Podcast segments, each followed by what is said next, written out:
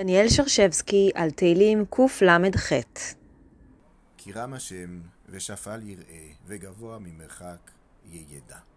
כך בפסוק ג' בפרקנו בתהילים קל"ח. את המילה ידע אפשר להבין בצורות שונות. למשל, פירוש אחד מציע שידע פירושו ייסר. זאת לאור הפסוק בשופטים ח'-ט"ז, ויקח את זקני העיר ואת קוצי המדבר ואת הברקנים, ויודע בהם את אנשי סוכות.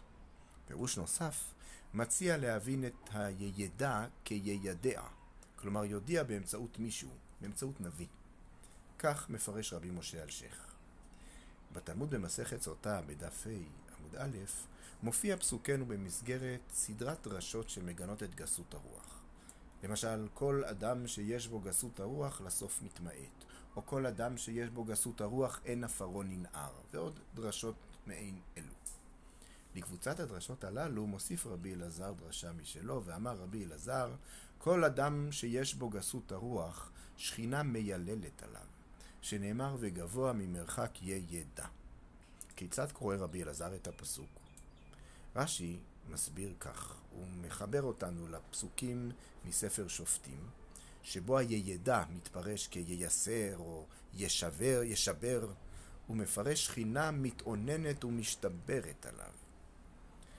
אך ייתכן כי החריגה הלשונית שמופיעה בפסוק היא זו שמאפשרת לרבי אלעזר להסיט את המבט מהמשמעות המילונית של המילה אל הצליל שלה.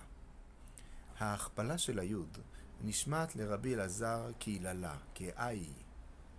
כך בדרשות, בדרשתו מוסיף רבי אלעזר לפסוק המתאר את דאגתו של השם לחלשים, פסקול.